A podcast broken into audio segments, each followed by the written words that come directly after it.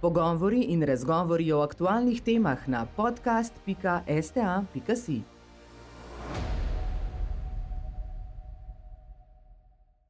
Spoštovane in spoštovani, lepo pozdravljeni v današnjem spletnem pogovoru, ki ga Slovenska tiskovna agencija pripravlja v okviru projekta STA Znanost. In današnjega smo naslovili podzemlje, je treba ščititi oziroma ščistiti. Spletni pogovor poteka tudi danes v živo, v neposrednem prenosu. S svojimi vprašanji in komentarji lahko sodelujete tudi gledalke in gledalci. Lahko jih pošljete v obliki komentarja, ukolikor nas spremljate na družbenem omrežju ali pa na elektronski naslov klub sta.afna.sta.si. Več kot 47 odstotkov površja Slovenije je prav kraškega. Kraške jame pa so zakonsko definirane kot naravne vrednote državnega pomena. So nepogrešljiv element vodnega kroga, habitat raznovrstnega in endemičnega življenja ter nasploh neprecenljiva zakladnica informacij o naravni zgodovini in sedanjosti. Dejstvo, da jih je več kot petina onesnaženih, je zato toliko bolj zaskrbljujoče. In kakšne so okoljske posledice onesnaženosti teh jam, kako je povezano onesnaženje jam z onesnaženjem podzemnih voda, kakšne raziskave potekajo na tem polju in kakšne so ovire pri sanaciji. To so le nekatera vprašanja, ki jih danes zastavljam sogovornikom. Zelo sem vesela, da so si vzeli čas in da so danes zato z nami. Doktorica Nadja Zupan Hajna, raziskovalka Inštituta za raziskovanje krasa ZRC SAZU in obenem predsednica Mednarodne speleološke zveze. Lep dober dan želim. Doktor Mihael Brenčič, predsednik Slovenske organizacije za podzemne vode in predavatelj na oddelku za geologijo Naravoslovno-tehniške fakultete Univerze v Ljubljani. Dober dan. In pa doktor Jure Tičar, raziskovalec Geografskega inštituta Antona Melika in vodja službe za varstvo jam Jamarske zveze Slovenije. Dober dan. Dober dan. Začeli pa bomo z vprašanjem, ki ga naslavljam na vse vas, dragi sogovorniki, in sicer zakaj je raziskovanje krasa pa kraških pojavov pa kraških jam tako zelo razvito v Sloveniji, na to razvitost in raziskovanje smo seveda zelo ponosni. Kaj so zgodovinski izvori in vzroki tega?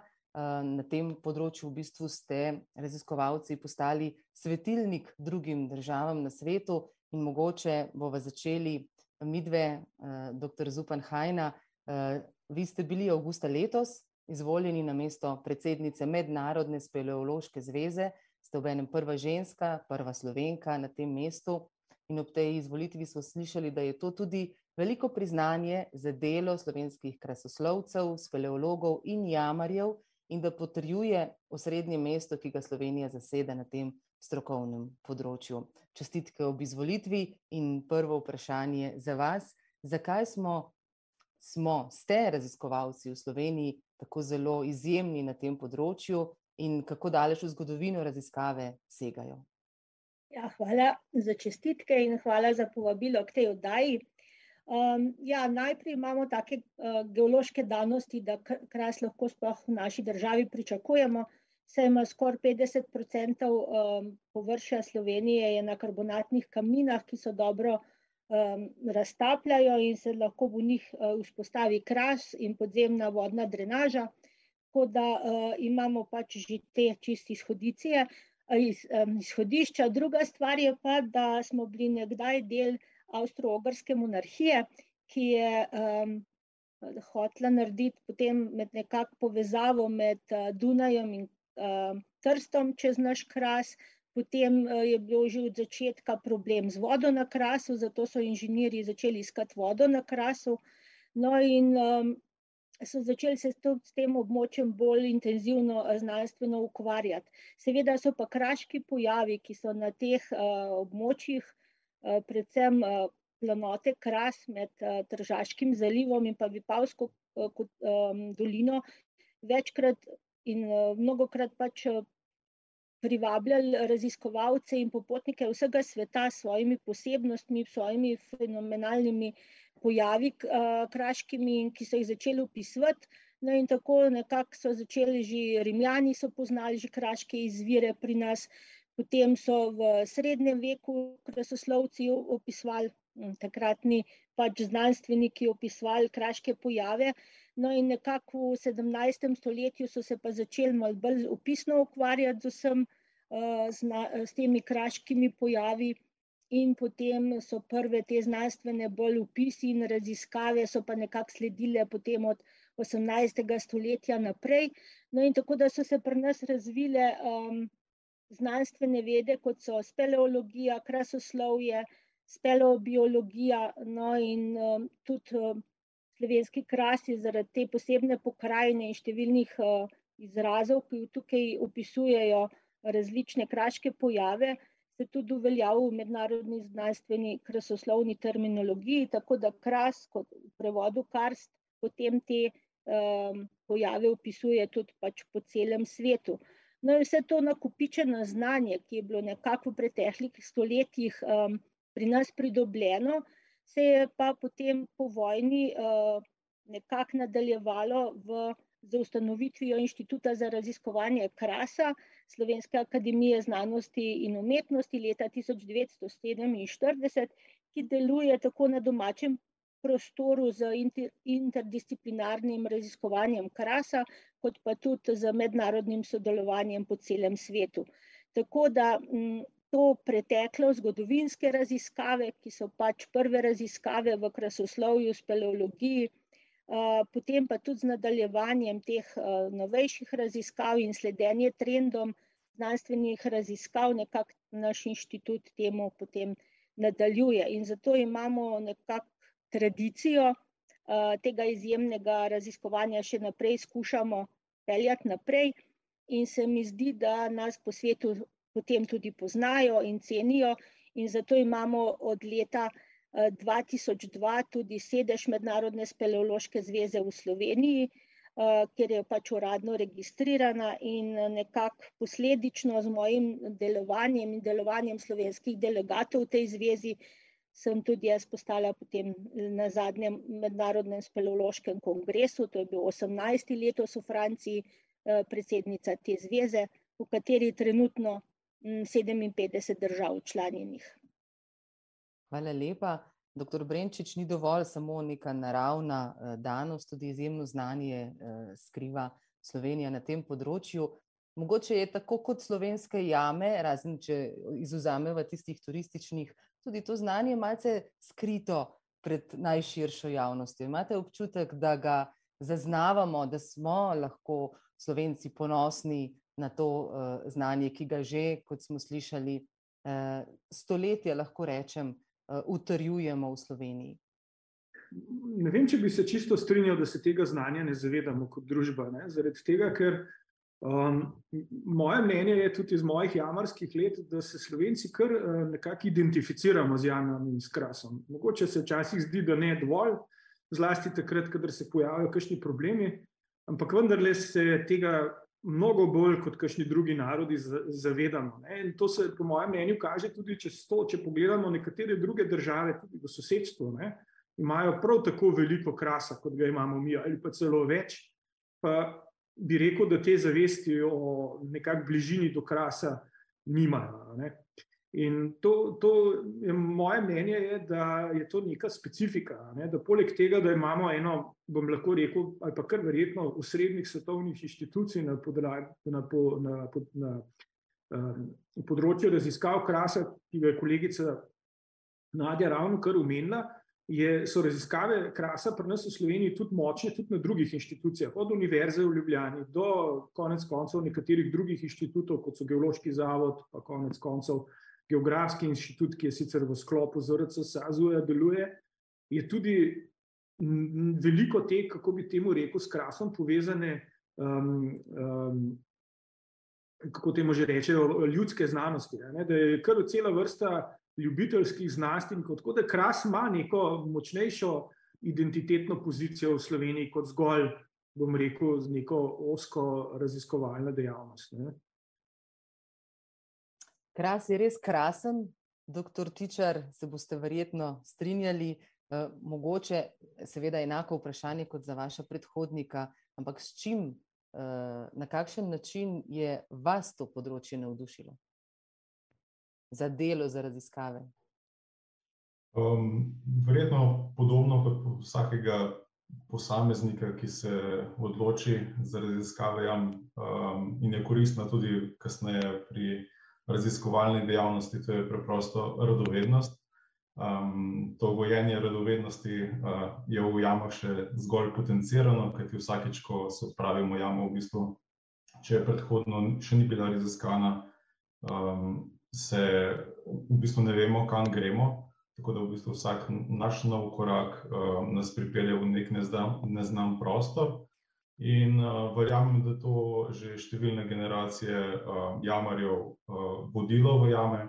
Uh, ne na zadnje um, so se v bistvu jamarji organizirali v jamarska društva že uh, koncem 19. stoletja, se pravi 1889 je bilo ustanovljeno prvo v bistvu jamarsko društvo v Sloveniji in takrat imamo nek kontinuiran uh, sistem raziskovanja teh jam.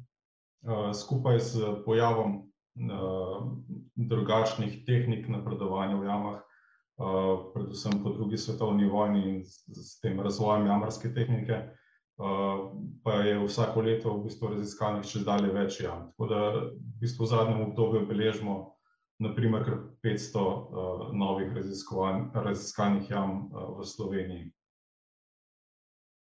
Zakaj smo naslovili podzemlje, je treba sčistiti, pa mogoče najprej, če temu postavimo nek temeljni odgovor, kakšno vlogo sploh postavlja kras v vodnem krogu in kako se v tem razlikuje od drugih sestav zemeljske skorje, doktorica Zupan Hajna.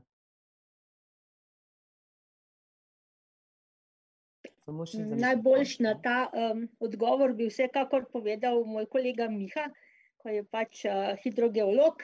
Um, vsekakor je pomembno zato, ker vsi vemo, da kras uh, funkcionira, druga, deluje drugače kot um, podobne ali pa primerljive pokrajine, uh, ker vsa voda in s tem tudi onesnaževala tako izginejo v podzemlje ko padejo padavine, ko tečejo reke, vse to gre v podzemlje, eh, teče skozi njih, se v njih zadržuje, lahko, lahko pač pa tudi samo preteče prav na lahko proti izvirom. Zato je pomembno, da pač ta kras um, ščitimo in da ga ne vnesnažujemo, ne samo uh, vodo v podzemlju, kot pa tudi uh, habitate, to se pravi življenjska okolja, se v njih živijo prav posebne prilagojene uh, živali, jamske živali, in zato je pač nekako um, to treba um, paziti, zato da ga ne, uh, ne samo um, čistiti, ampak tudi ščititi, da do onesnažen ne pride. Da sploh ne pride. Doktor Brenčič, še vaš odgovor na to vprašanje. Ja, um, kras je po svoje zelo posebna oblika uh, temu, čemer bi hidrogeologi rekli vodonosniki. Ne? Že samo ime vodonosnik pomeni tisto, kar nosi vodo. Ne. Pa vendarle, ne, morda pa tudi ni tako zelo poseben, če pogledamo, da po nekaterih statistikah kar eno petino zemljenega površja pokriva kras. Torej, kras je nek, neka, včasih temu rečemo, organizacija površja, ki je pa zelo specifična, glede na to, v primerjavi z drugimi območji, kako voda kroži. Vsak od nas kras povezuje z kraškimi jamami. Kraške jame so pač neke odprtine, Seveda za človeka so kraške jame tiste, v katere lahko prodre, ampak poleg tistih jam, ki so znane, je veliko več neznanih jam in veliko več je tistih neznanih prostorov, v katere človek nikoli zaradi svojih omejitev ne bo mogel prodreti. Pa vendarle v teh, teh neznanih prostorih voda teče nekoliko drugače, kakor teče recimo v produ ali pa kakor teče v nekaterih drugih kamninah. Ne? In ravno ta posebnost toka vode znotraj kamnin, v katerih se kras razvija, je nekaj tistega, kar dela kras zelo poseben. In druga zadeva, ki je zelo pomembna, je to, da kras nastaja v kamninah, ki so relativno dobro topne. Kras nastaja v tistih kamninah, kjer se kamnina raztaplja in odteka potem v obliki raztopine naprej, in zaradi tega nastajajo ti veliki odprti prostori, ki potem tudi ustvarjajo neke specifične pogoje. In kras je en tak sistem, ki se tudi geološko gledano neprestano razvija. Kras ni statičen, kras je zelo dinamičen sistem in se ravno v tem vidiku zelo, zelo razlikuje od drugih. Ne. Če to pogledamo kot geologi, kras je nek pojav, ki je relativno mlad, ki, ki se neprestano tvori, celo včasih lahko dobesedno opazujemo kras, kako nastaja pred našimi lastnimi očmi, kar je zelo nenavadno za druge geološke sisteme. Hkrati pa je treba povedati, da je kras na nek način nastajal že globoko v zemljini preteklosti in tudi te sledove poznamo, in vse te faze se potem med sabo prepletajo, in tako naprej. In zaradi tega je kras zelo kompliciran. Jaz sem včasih, ko sem še študiral, v mlajših letih, vedno imel to v misli, da je uh, kras kvantna fizika geologije. Ki jo odkrivate, vendarle, uh, vedno znova. In jim dajemo, oziroma krasu in kraškim jamam, vendarle tudi neko težo, uh, tudi v javnem prostoru v Sloveniji. Kraške jame so v Sloveniji prepoznane kot naravne vrednote državnega pomena, a preteklo onesnaževanje, če govorimo o čiščenju teh jam, se ne bo očistilo samo od sebe in seveda potencialno predstavlja nevarnost tudi za podzemno vodo. Doktor Tičar, vi ocenjujete, da je onesnaženih med 20 in 30 odstotkov vseh slovenskih jam, katerih sanacija je seveda precejšen, vendarle ste prepričani uresničljiv izziv. Kakšne so te okoljske posledice onesnaženosti jam, kakšen je vpliv na habitate, na raznovrstnost in mogoče, eh, zdaj le smo slišali, ne, da je to vendarle neka kvantna fizika bila in verjetno tudi eh, še vedno ostaja. Kakšne so specifike jamskih ekosistemov v smislu odpornosti in obene mrnljivosti? Um, torej, če se najprej navežem na uh, vprašanje onesnaženosti, um, Zdaj, v preteklih raziskavah uh, so se tega problema že dotikali, uh, ampak na zelo omejenih območjih. Uh, v moji raziskavi, ki sem jo pač v okviru doktorske naloge izvedel, um, sem pa v bistvu vzel za osnovo katastarja, uh, kjer so popisane tudi posamezne informacije o, o nesnaženosti jam in tako na približno. Uh, numeru so uh, polovice slovenskih jam, um, prišel do ugotovitve, da je onesnaženih vsaj 20 odstotkov jam. Uh, gre seveda predvsem za onesnaženje s trdimi odpadki, um, uh, predvsem gospodinski odpadki so tu v spredju, uh, pa tudi razni gradbeni in ostali odpadki, ki um, na nek način v bistvu predstavljajo zgolj eno, v bistvu onesnaženost jam, predstavljajo zgolj en način uh, pritiska na krasne. Uh, Se pravi, to je neka stalna točka, iz katere je, pač, uh, je, je možno razpadanje snovi in odtekanje snovi v podzemlje. Uh, morda je problematično zaradi tega, ker pač uh, v jamah nimamo popolnoma nobenega filtra več, da bi te snovi odtekale neposredno uh, do podzemne vode. Uh, na samem površju, če imamo posamezna odlagališča oziroma nelegalno odlagališče odpadkov, ta posamezen filter v primeru kakšne plitve prstiša obstaja. In uh, zaradi tega so lahko pač te uh, izcedne vode neposredno prihajajo do podzemne vode. No. Um, zdaj, kot je bilo že tudi v pred, pred, predhodniki so omenili, no, pač um, jame predstavljajo tudi eh, rekel, zelo poseben habitat, v katerem se zadržujejo endemične vrste in eh, so kot takšne tudi varovane v okviru Nature 2000. Um, torej, jame predstavljajo neko življenjsko okolje za te habitate. Um, poznamo kar nekaj primerov iz Slovenije, predvsem um, povezanih s, tem, s temi izlivi, kakšnih uh, vod iz uh, farm, oziroma um, lahko na, na, na zadnje tudi uh, iz uh, čistilnih naprav, ki lahko v bistvu trenutno močno obremenijo posamezne vodnosnike in uh, dobesedno izbrišajo uh, neke uh, podzemne vrste na, na, v teh jamah. Um, je pa seveda um, to poznavanje krasa se gradi v bistvu skozi desetletja in stoletja, tako z raziskavami, kot tudi s fizikalnimi uh, raziskavami. Predvsem na, na drugi strani tudi uh, z vodnimi povezavami, ki, ki se jih trudimo še vedno razumeti, predvsem z tega vidika, da bi razumeli, kam ta onesnažila odtekajo.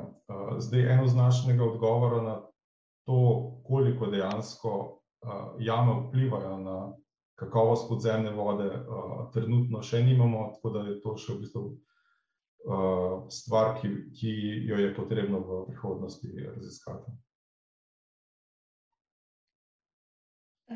Če bi jaz lahko opozorila še na eno specifiko onesnaženja jam, ne samo glede pač okolja, naravnega okolja, habitatov in pa vode, jame so tudi izrednega pomena, ker delujejo kot nekako časovne kapsule. V njih so skrite informacije o geoloških, podnebnih, hidroloških spremembah, so tudi arheološkega pomena, paleontološkega pomena, ker v njih najdemo ostanke živih bitij, ki pač zdaj ne živijo več. In vsekakor se jaz ne bi strinjala s tem, da je Kras zelo mlad, Kras je zelo star, ker jame, nekatere jame pri nas smo datirali, da so stare tudi okrog več kot deset milijonov let, in to niso paleokraške jame, ampak Krasa, ki sedaj še obstaja. No, in zato so jame niso samo pač lahko onesnažene samo s površja, jame lahko uničujemo tudi, kadar v njih zahajamo. Ker vsaka jama ne samo je pač pride pod naš vpliv, enkrat, ko vstopiš v jamo, vplivaš nanjo. In ne samo na okolje, na življenjske, pač na živa bitja, ki so v njih, ampak na vse te informacije. Tako da ni problematičen samo recimo masovni turizem v jamah. Že samo jamarski obisk v jamah mora biti izvajan na tak način, da je jami čim manj škodljiv, da smo čim manj invazivni do tega okolja. In pa tudi sami znanstveniki, ki v jame zahajamo. Tudi mi predstavljamo dostikrat problem posameznim jamam zaradi prekomernega vzorčevanja, recimo mineralov posameznih jamskih ali pa kapnikov, ker iz kapnikov lahko izvemo marsikaj o podnebnih spremembah v preteklih tisočletjih, skozi milijone let lahko vse sorte ugotovimo. In zdaj, če mi to prekomerno vzorčujemo, pomeni, da kar iz jame odnesemo, nikoli več tam ne bo obstajalo. In s tem potem uničujemo informacije za zanamce in uničujemo tisto estetsko okolje v jamah, kot bi rekla, in same informacije, zato ko vsak, ki v jame pač gre, bi mogel biti izobražen o tem, kaj lahko v jami najde in kaj lahko v jami povzroči s svojim obiskovanjem.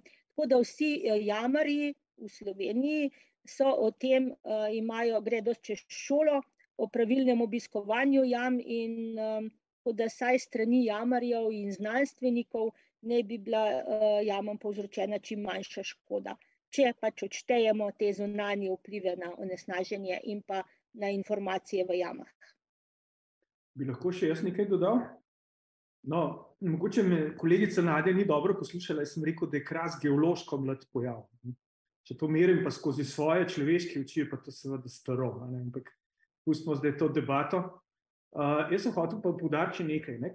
Jame na Krasu so gotovo tista reprezentacija, ki jo ljudje najbolje vidimo, ne, se pravi, nekako Kras vedno povezujemo z jamami, vendar takrat, kadar govorimo o vplivih človeka na Kras, moramo razumeti Kras kot celoto, ne. Tudi kolega Tičar je že prej omenil na primer primer odlagališč. V Sloveniji imamo kar nekaj starih bremen na Krasu in ta stara bremena se seveda, kot je ugotovljeno, nahajajo v eni petini kraških jam, ampak nahajajo se tudi na področjih, na površju, recimo stara odlagališča odpadkov predstavljajo kar velik problem, ki bi ga morali v Sloveniji na neki način reševati. Ne bom zdaj našteval, katera odlagališča so to, ampak to so gotovo stvari, ki jih bo treba sanirati. Potem so tukaj nekatera območja, ki so degradirana, pa so na Krasu, ne, in Kras je treba razumeti kot celoto, ne zgolj samo skozi jame, jame so seveda najbolj privlačne, najbolj zanimive, ampak je treba gledati tako razvoj tal ali prsti, kot temu rečejo geografi, kako se površje razvija, in konec koncev tudi, kako se to površje obrašča. Lep primer tega so bili požari letos, ne, Pa ne vem, če, do, če dovolj dobro razumemo, kaj so ti požari na krasu povzročili v podzemlju. Jaz pa bom kar prosila, da dodate, kaj so povzročili podzemlju. Um, težko bi odgovoril na to vprašanje, ker ne poznam nekih konkretnih študij, pa nisem čisto prepričan, če je sploh kakšna bila narejena. Ampak v svetu poznamo kar nekaj študij, ki govorijo o tem, kako tako veliki požari vplivajo na vodni krok, na vodni krok na površini in na vodni krok tudi v podzemlju. Prav gotovo se prerasporedijo pre vodne količine, namreč vemo, da gost zelo, zelo vpliva na vodno bilanco na nekem območju. Potem se spremenijo masni tokovi, na površju pride do erozije. Ta erozija lahko povzroči spremembo sedimentacije v površinskih vodah na krasu, ne, kjer pa imamo v bistvu zelo močan vertikalni tok, lahko povzroči tudi spremembe v podzemlju. Ampak konkretno za dani primer v Sloveniji pa žal ne vem, mogoče kolegica Nadja ve, če so slučajno kakšno študijo začeli v tej smeri delati, ampak prav gotovo neki vplivi so. Ja, trenutno, ja. trenutno se še uh, dogovarjajo za, uh, skupaj, da bi izvajali projekte z uh, gozdarskim inštitutom, iz, um, na, uh, na, da bi vzpostavili monitoring, uh, predvsem prenikanja uh, prenikle vode. No, je pač zgodovinsko pač znano tudi, da te veliki požari, ki so na krasu, se ponavadi odražajo v podzemnih jamah, s tem, ko se kapniki ali pa um, plasti, takrat, ko obstajajo, prekrijejo z sajami um, in pa tudi z tem ostank, izgorelim ostanki um, pač, um, vegetacije, ki se potem prenese v jamo, in potem lahko najdemo te um, tudi v podzemlju, take požare, recimo lahko v času bronaste dobe, potem zasledimo v kapnikih in pa tudi starejše. Če se v nadaljevanju dotaknemo uh, starih bremen, ki so bili danes večkrat izpostavljeni, doktor Tičar, kot vodja službe za varstvo jam pri Jamarski zvezi Slovenije, ste, kot se danes že omenili, začeli iskati podatke, že zbrane o onesnaženosti, ugotovili, da v bistvu niso nikjer prav sistematično zabeleženi in urejeni. Dostopnih je bilo nekaj podatkov o stopni onesnaženosti jam v posameznih lokalnih okoljih, nič pa za raven celotne Slovenije in ste se te naloge potem lotili v okviru svojega doktorskega projekta. Ti podatki bodo seveda v nadaljevanju na voljo odločevalcem.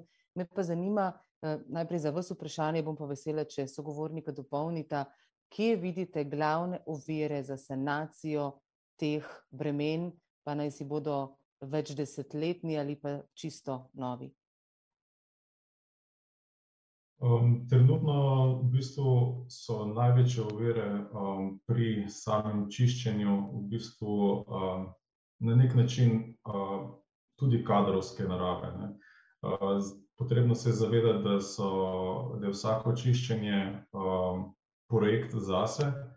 Um, toliko bolj, kadar imamo v, v jamah večjo količino odpadkov. In uh, za samo čiščenje rekel, odlagališča v jami, ki ima naprimer 100 kubičnih metrov odpadkov, je potrebno kar nekaj dni, oziroma celo tednov, da to odlagališče uspešno saniramo, kajti delo v jami izvajajo praviloma jamari in to izvajajo ročno. Um, tako da tukaj je um, nekaj omejitev. Uh, predvsem zaradi tega uh, sem pa jaz tudi želel nasloviti um, to problematiko z drugega vidika in sicer, da se odločimo v Sloveniji, katere jame so pa dejansko tiste, ki so najbolj kritične za, za, za čiščenje. Kajti, v bistvu, če povemo zgolj, da imamo 2500 onesnaženih jam, ne vemo, kje je v bistvu um, se lotiti problema um, in se je smiselno v bistvu tam, kjer so ti primeri najbolj eklatantni. Tako da uh, trenutno se ravno na Pjuškem v bistvu pripravlja projekt uh, čiščenja uh, jame Ravnica, ki je najbolj onesnažena jama v Sloveniji in to se mi zdi zelo spodbuden signal, um, kajti v bistvu bomo začeli z najbolj onesnaženo jamo, uh, se pravi, da lahko očistimo tudi ostale. No, med, gotovo med uh, ovirami med ovire pri sanacijah spadajo tudi um, ostanki z vojnih časov, ki so vedno nepredvidljivi in so ostali v kraških jamah in lahko povzročijo ne samo ogromno okoljsko, ampak seveda tudi človeške žrtve. Doktor Brenčič, prosim. Ja, jaz bi tukaj rad poudaril nekaj, ne, da tradicija onesnaževanja jam v Sloveniji je pravzaprav zelo stara. Ampak tisto, kar se je spremenilo, je spremenila se je struktura odpadkov, ki jih mečemo v jame. Ne.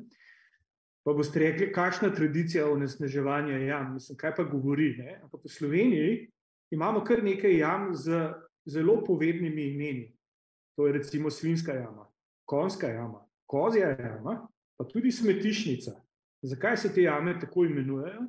Zaradi tega, ker so bile to točke, v katere so nekoč metali odpadke, ampak ti odpadki so bili takrat organski in ti organski odpadki so seveda s časom propadli. Ampak tisto, kar pozabljamo, je to, da je bilo v času, ko, ko ni bilo te zavesti o nestaževanju jam, pa ko so te jame uporabljali v take namene, na krasu zelo veliko tako zvanih hidričnih epidemij.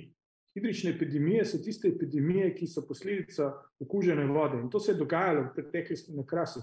Celo veliko zgodovinskih zapisov imamo o tem. Tako da to je nekaj, kar je tesno povezano z militariteto življenja na krasu.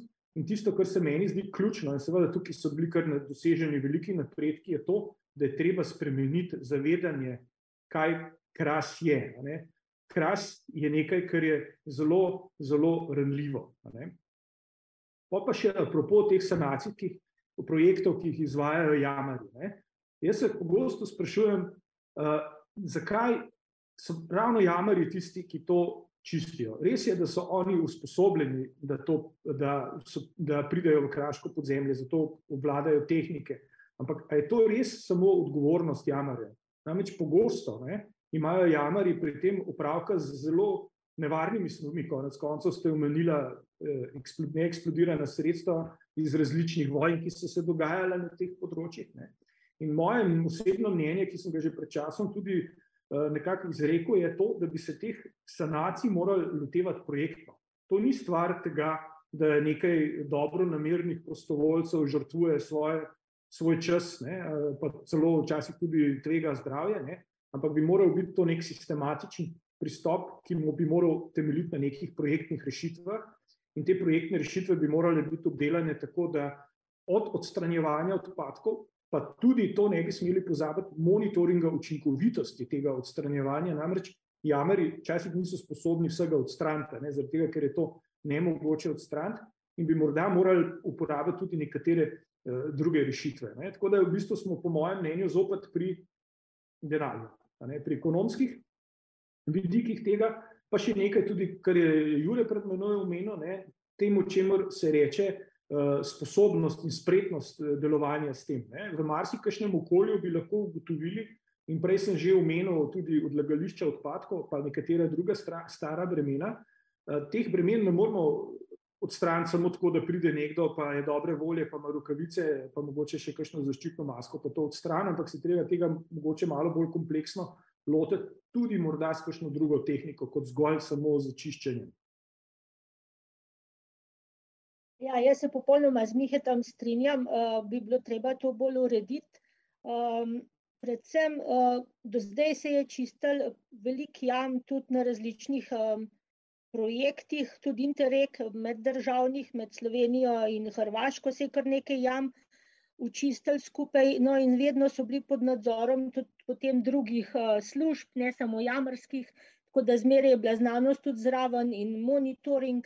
Um, ampak bi bilo pa res treba to nekako sistemsko urediti in prek morda Ministrstva za okolje in prostor um, urediti morda kakšne crp programe ali kaj takega, ker bi se potem lahko to uh, nekako izvajali uh, vsako leto po nekaj jam, Uh, ker je pa tudi težko reči, kaj je zdaj tista, ki so najbolj unesnažene jame, ker nekatere jame so tako zelo um, zapolnjene z uh, odpadki, da niti v njih ne moreš več iti. Tako da, da jih niti več ne obstajajo in jih niti ne moramo več šteti, verjetno kot jame, dokler se jih ne očist. Ampak imamo pa v Sloveniji tudi tradicijo to, da um, mečejo stvari v jame še, ve, še vedno, ne samo um, manjši ljudje, pač prebivalci lokalni, ko rečejo, pač kar je daleč od oči, tisto se ne vidi, tisto ne obstaja. Ampak dosti, dosti krat se naredi tudi, da večja podjetja ali pa ne samo privatniki um, odlagajo smeti na kras, tudi čezmejne probleme imamo, saj nekako pol leta nazaj smo imeli problem uh, velike količine odpadkov, so bili pripeljani, se potem ugotovili iz Italije na rob um, škocijanskih jam, parka škocijanskih jam, ki je UNESCO dediščina. In uh, predvsem glede na to, da naša zakonodaja je kar dobro um, kako bi rekla, postavljena um, na nacionalni, regionalni in občinski ravni, samo nekako pa manjkajo tisti, kako bi rekla, pravni mehanizmi, ki bi vse to urejali in potem ne samo čiščenje, ampak tudi samo um, varovanje krasa pred temi onesnaženji, da bi bilo boljše urejeno. Potem manjkajo verjetno inšpektori, um, najbolj pa seveda eh, tudi usposobljeni upravljavci vseh teh eh, virov in pa ozaveščanje javnosti, predvsem tistih ljudi, ki živijo na krasu, da bi vedeli, kaj vse to pomeni, če ti nekaj v jamo vržeš, kaj lahko pomeni to za tvojo pitno vodo, eh, kaj lahko pomeni tudi za, pač za samo kraško podzemlje. Tako da se mi zdi, da predvsem to ozaveščanje javnosti, kot kar delamo v Sloveniji, zelo um, veliko na, tej, na, tej, na teh stvarih, se mi zdi, da še vedno premalo dosežemo ljudi, da bi se tega zavedali in da bi sami skrbeli, da pač jame ne bi bile tako uh, onesnažene, kot so. Tako da nekako te stvari, no, je tudi ta oddaja na to postavljena, verjetno bo treba še precej uh, delati, predvsem na iz, uh, izobraževanju na vseh nivojih tradicija, ki nam ni najbolj v ponos, doktor Brenčič. Ja, jaz bi tukaj samo nadaljeval to diskusijo, ki jo je eh, Nadja pričela. Ne? Sicer ta proces izobraževanja mora biti stalen. Ne? To ni, ni proces, ki se neha, ne? ampak na to moramo vse čas poudarjati. Jaz včasih v teh javnih diskusijah povem, ne, da recimo. To je tudi tesno povezano s krasom. Naprimer, na vodo se vsi spoznamo, ne? o vodi vsi vse vemo, ampak dejansko, ko pride do neke operacionalizacije, pa ugotovimo, da imamo velike luknje v tem znanju. In to znanje je treba neprestano obnavljati. Treba ga neprestano uh, govoriti o tem, neprestano se je potrebno o tem pogovarjati. In jaz mislim, če bi tako učeno rečeno ta diskurs vse čas vzdrževali, bi to bilo, bil zelo pomemben prispevek k varovanju uh, krasa. Ne? In to na vseh nivojih izobraževanja, ne samo v teh kako bi rekel, začetnih fazah izobraževanja, kjer se mi zdi, da smo najbolj uspešni, ampak tudi na izobraževanje odrasle populacije, populacije, ki ima že ugrajene neke, kako bi rekel, načine obnašanja, e, ki so nekako globoki in se jih včasih ljudje niti ne zavedamo. Ne? In e, to bi morali pravzaprav na nek način vse čas obnavljati in morali bi pravzaprav razmišljati tudi o tem, kako in na kakšen način izobraževati. Ne. Tudi tukaj bi morali v ta, ta premislek narediti, kako izobraževati ljudi. Ne, ne samo ugotoviti, da je potrebno, ne, ampak tudi kako in na kakšen način bi pri teh stvarih bili najbolj učinkoviti. In to je pri krasu, po mojem, zelo, zelo pomembno. Večina nas je, doktor Tičer, tako vam dam besedo, izrazila močno voljo za čisto pitno vodo, veliko težav pa imamo še vedno s tem, da se nam ne zdi uh, nič narobe nekaj vreči v jamo, ker je, kot smo danes slišali, kar je daleč od oči, tudi daleč uh, od srca. Doktor Tičar, izvolite. Um, ja, jaz sem želel samo mogoče dopolniti uh, torej, izkušnjo, no? uh, bolj v smislu um, tega, da v bistvu jemljemo za samoumevno, da imamo eh, čisto pitno vodo in pač ko odpremo pipo, ta voda priteče. Ne. Eh, se začnemo o teh težavah pogovarjati šele takrat, ko, ko, ko nekaj v tem našem optimalnem pogledu na pitno vodo je narobe. Ne. Se pravi, ko je nekaj narobe z, z, z vodo, ki priteče skozi uh, pipo. Uh, in se mi zdi, um, tudi z vzpostavitvijo nekih regionalnih ali pa malo večjih vodovodnih sistemov so se, vsaj po mojem mnenju, dosti krat tudi lokalno prebivalstvo lahko izgubilo nek odnos do same pitne vode. Kajti bom govoril z vidika jam, ampak poznam primere jam, ki so jih v bistvu v preteklosti uredili za potrebe vodooskrbe. In se pravi, da so, da je lokalno prebivalstvo v bistvu poznalo vrednost te vode. Danes pa, če gremo v to jamo, lahko noter privohamo fekalije in tako naprej, ne. In tukaj je mogoče neko polje tudi za, za izobraževanje mladih in v bistvu vsega prebivalstva, da poznamo vodne vire, ki, ki jih imamo v svoji okolici, in da pač za njih tudi zgledno skrbimo, kajti v bistvu vsi so del enotnega tega kraškega sistema, ne. Se pravi, vse, kar se bo za tem vodnim virom oziroma kraškim izvirom dogajalo, bo, bo prišlo v ta kraški izvir.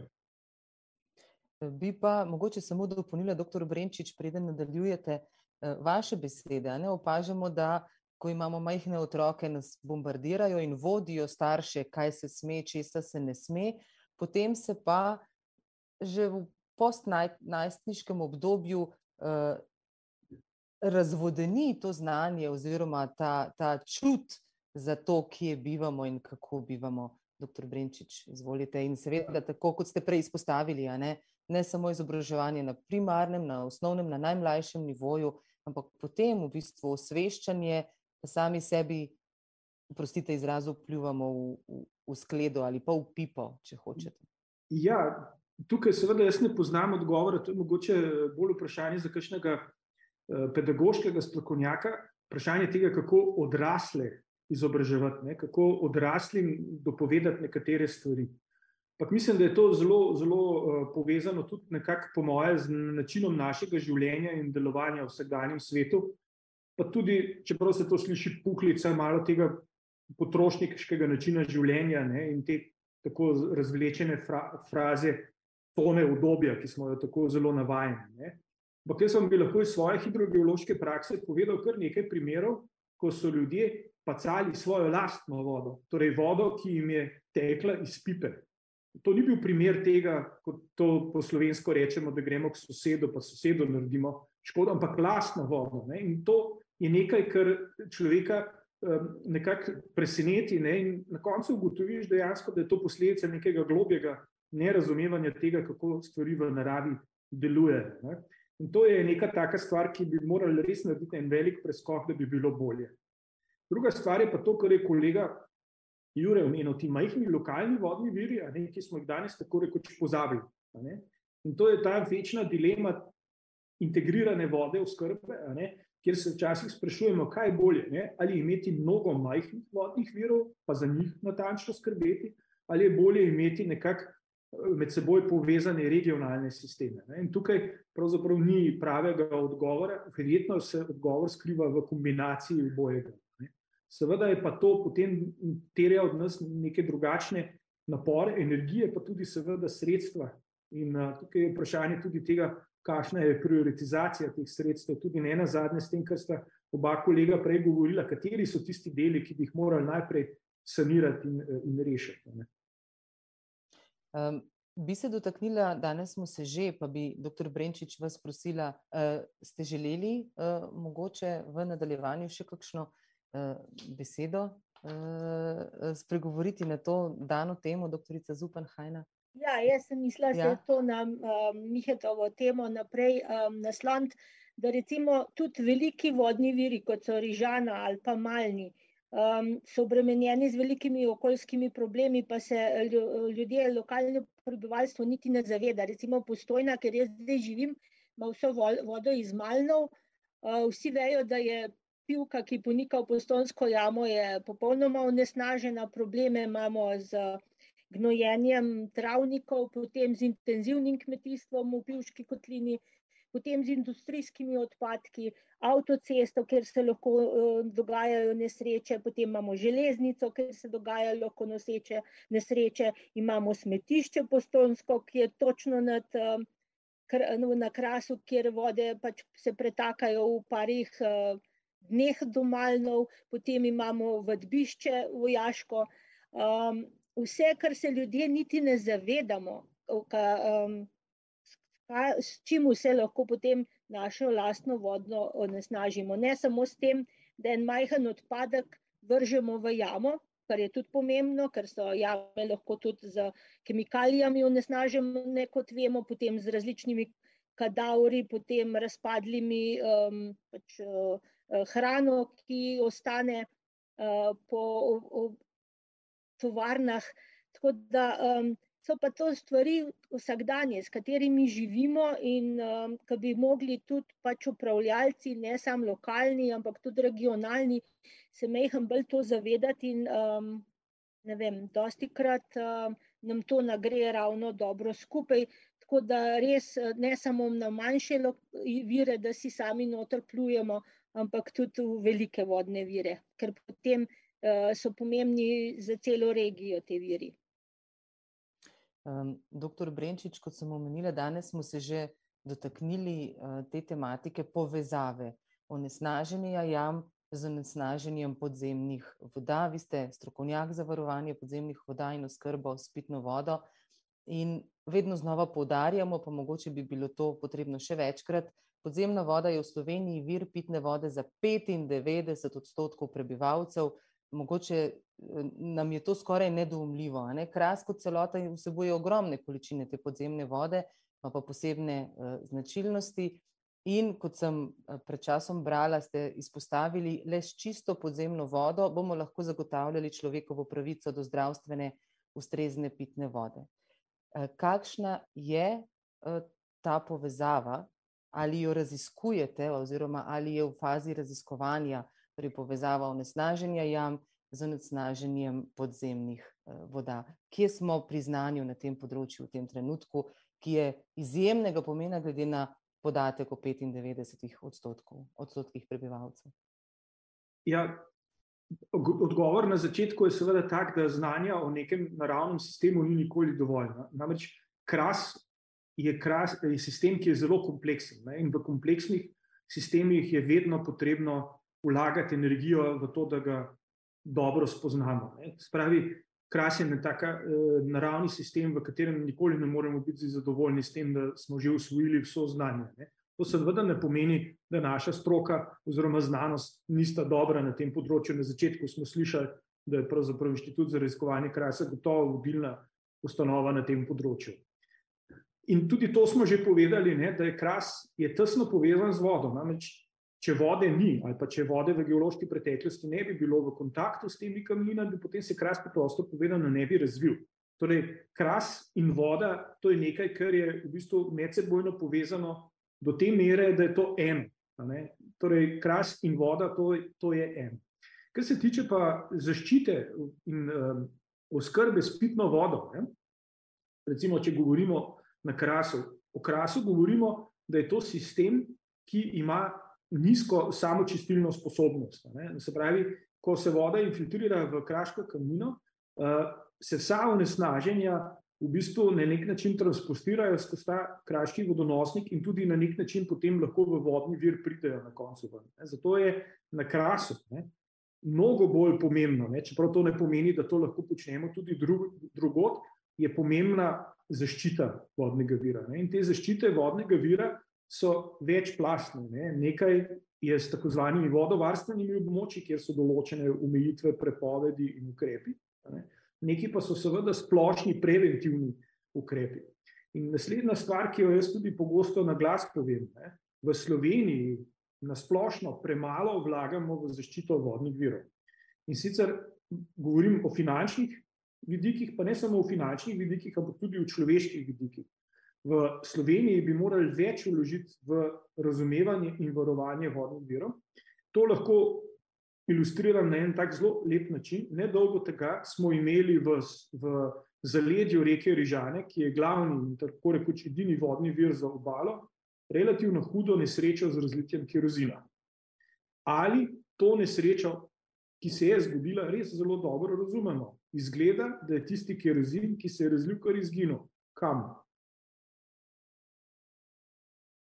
To je bolj tako provokativno vprašanje in to je lep vidik tega, ne, da stvari še zmeraj ne razumemo dovolj dobro in da bi dejansko morali kot družba, ne samo kot strokovnjaki, več uložiti v razumevanje teh sistemov.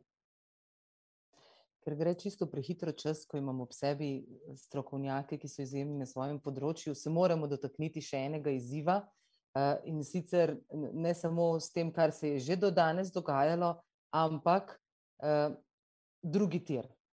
Še ta izziv je pred nami, oziroma tudi pred vami, kako na kras, mogoče če začneva midva, doktor Tičar, vplivajo ti večji gradbeni posegi, kot je recimo drugi tir. Kako vidite ureditev tega področja, na kaj bi morali biti izvajalci pozorni na vsakem centimetru, ki ga odkopljejo? No, morda je, morda so drugi bolj pristojni za to vprašanje, ampak nekaj izhodišč pa zagotovo, no. Vsak v bistvu poseg v, v Kras kot takšen zagotovo vpliva na dinamiko pretakanja podzemne vode, obenem pa nam v bistvu tudi po drugi strani takšni veliki projekti na neki način pomagajo razumeti to kraško območje, ne. V, v z že pri gradnji avtocestnega križa se je namreč odkrilo zelo veliko jam, in tako je tudi z, z gradnjo drugega tira. Torej vsak poseg v Kras spreminja njegove karakteristike, in predvsem so to neki večji infrastrukturni projekti, lahko so pa tudi manjšega lokalnega obsega, kot so na primer kakšni kamnolomi in tako naprej.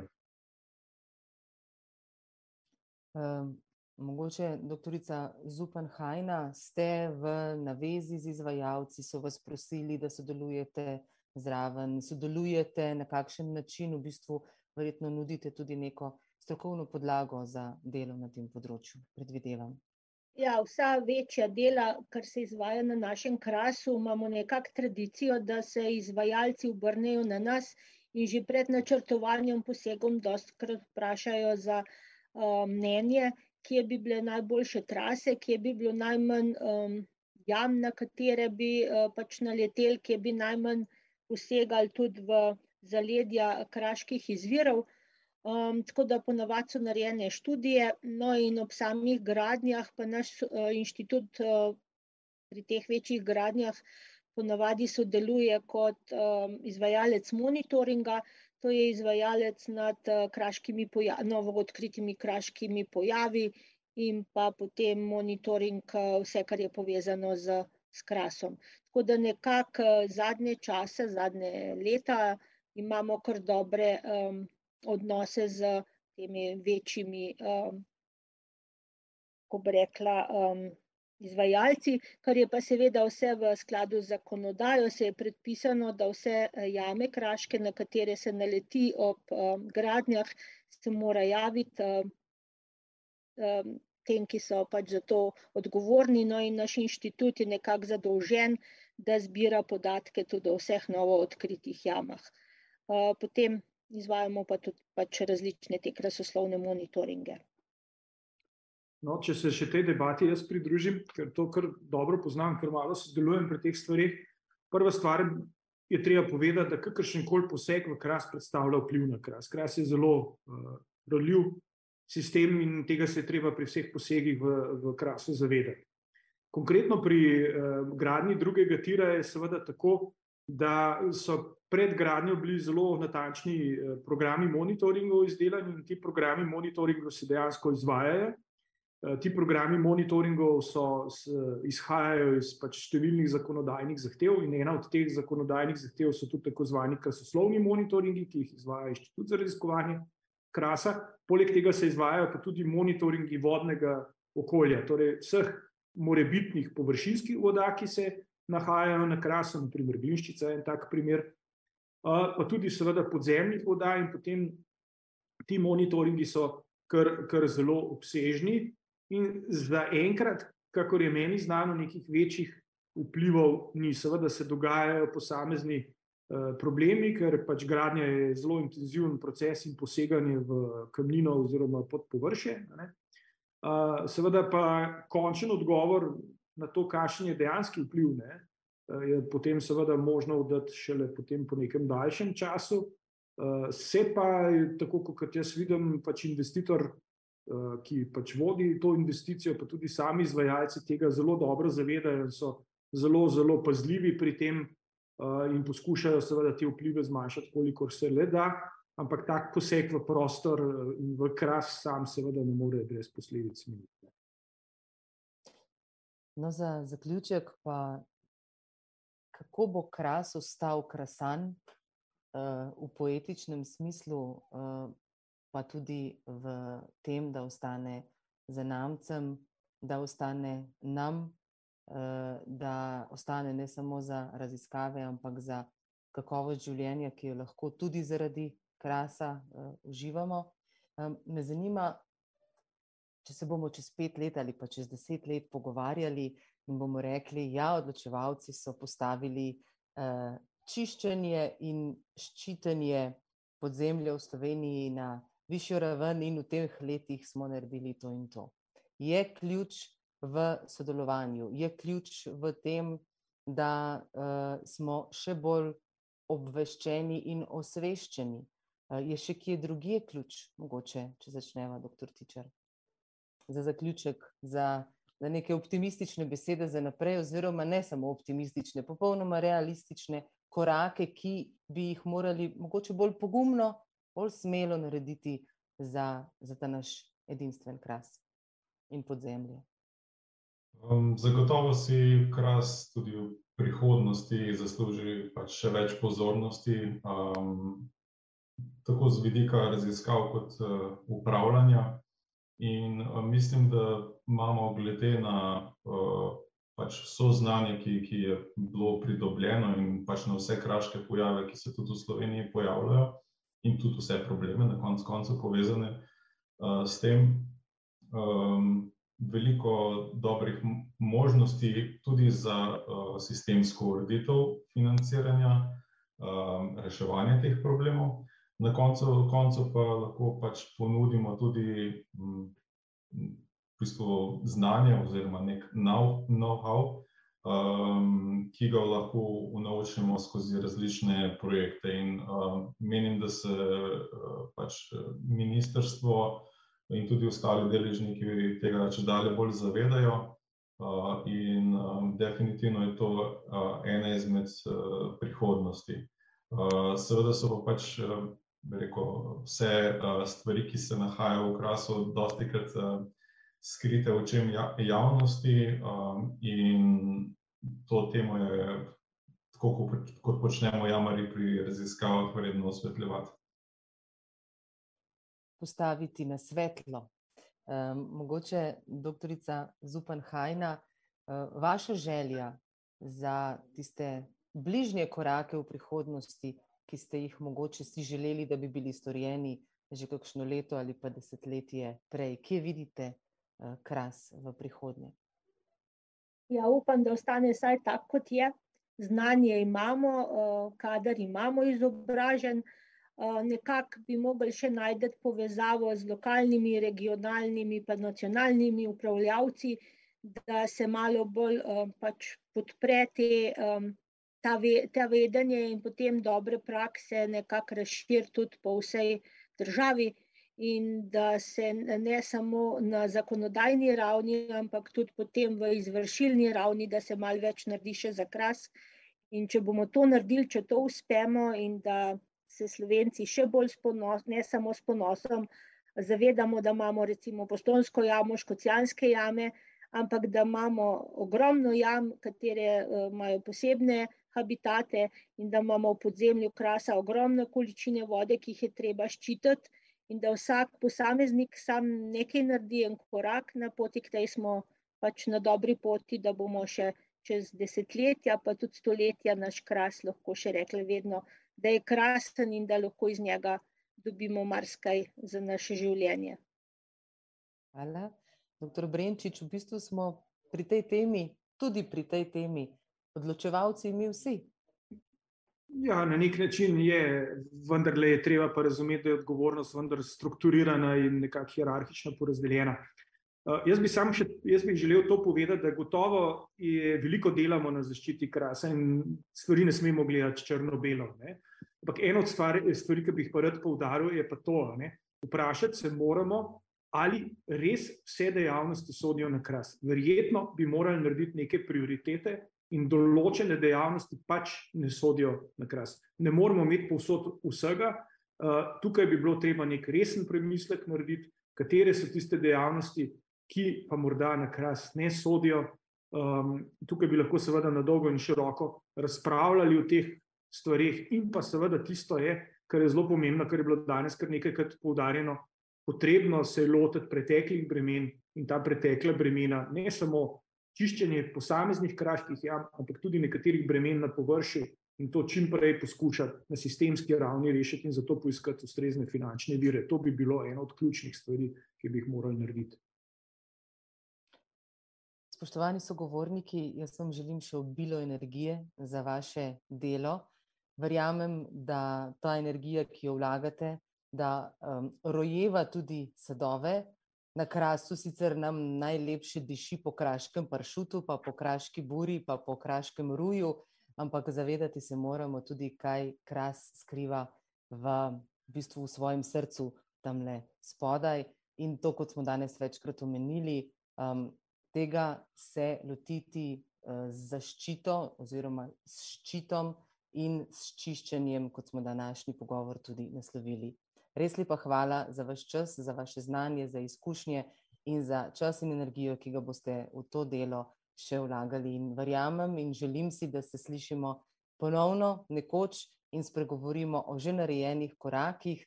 Eh, kot, sem, kot je dr. Brenčič me popravil, ni vse črno-belo, so koraki že narejeni, želimo si samo mogoče še več poguma v tej smeri. Hvala za danes, vse dobro želim in tudi lepe praznike, vendarle smo v decembru. Srečno in nasvidenje. Pogovori in razgovori o aktualnih temah na podcast.sta.si.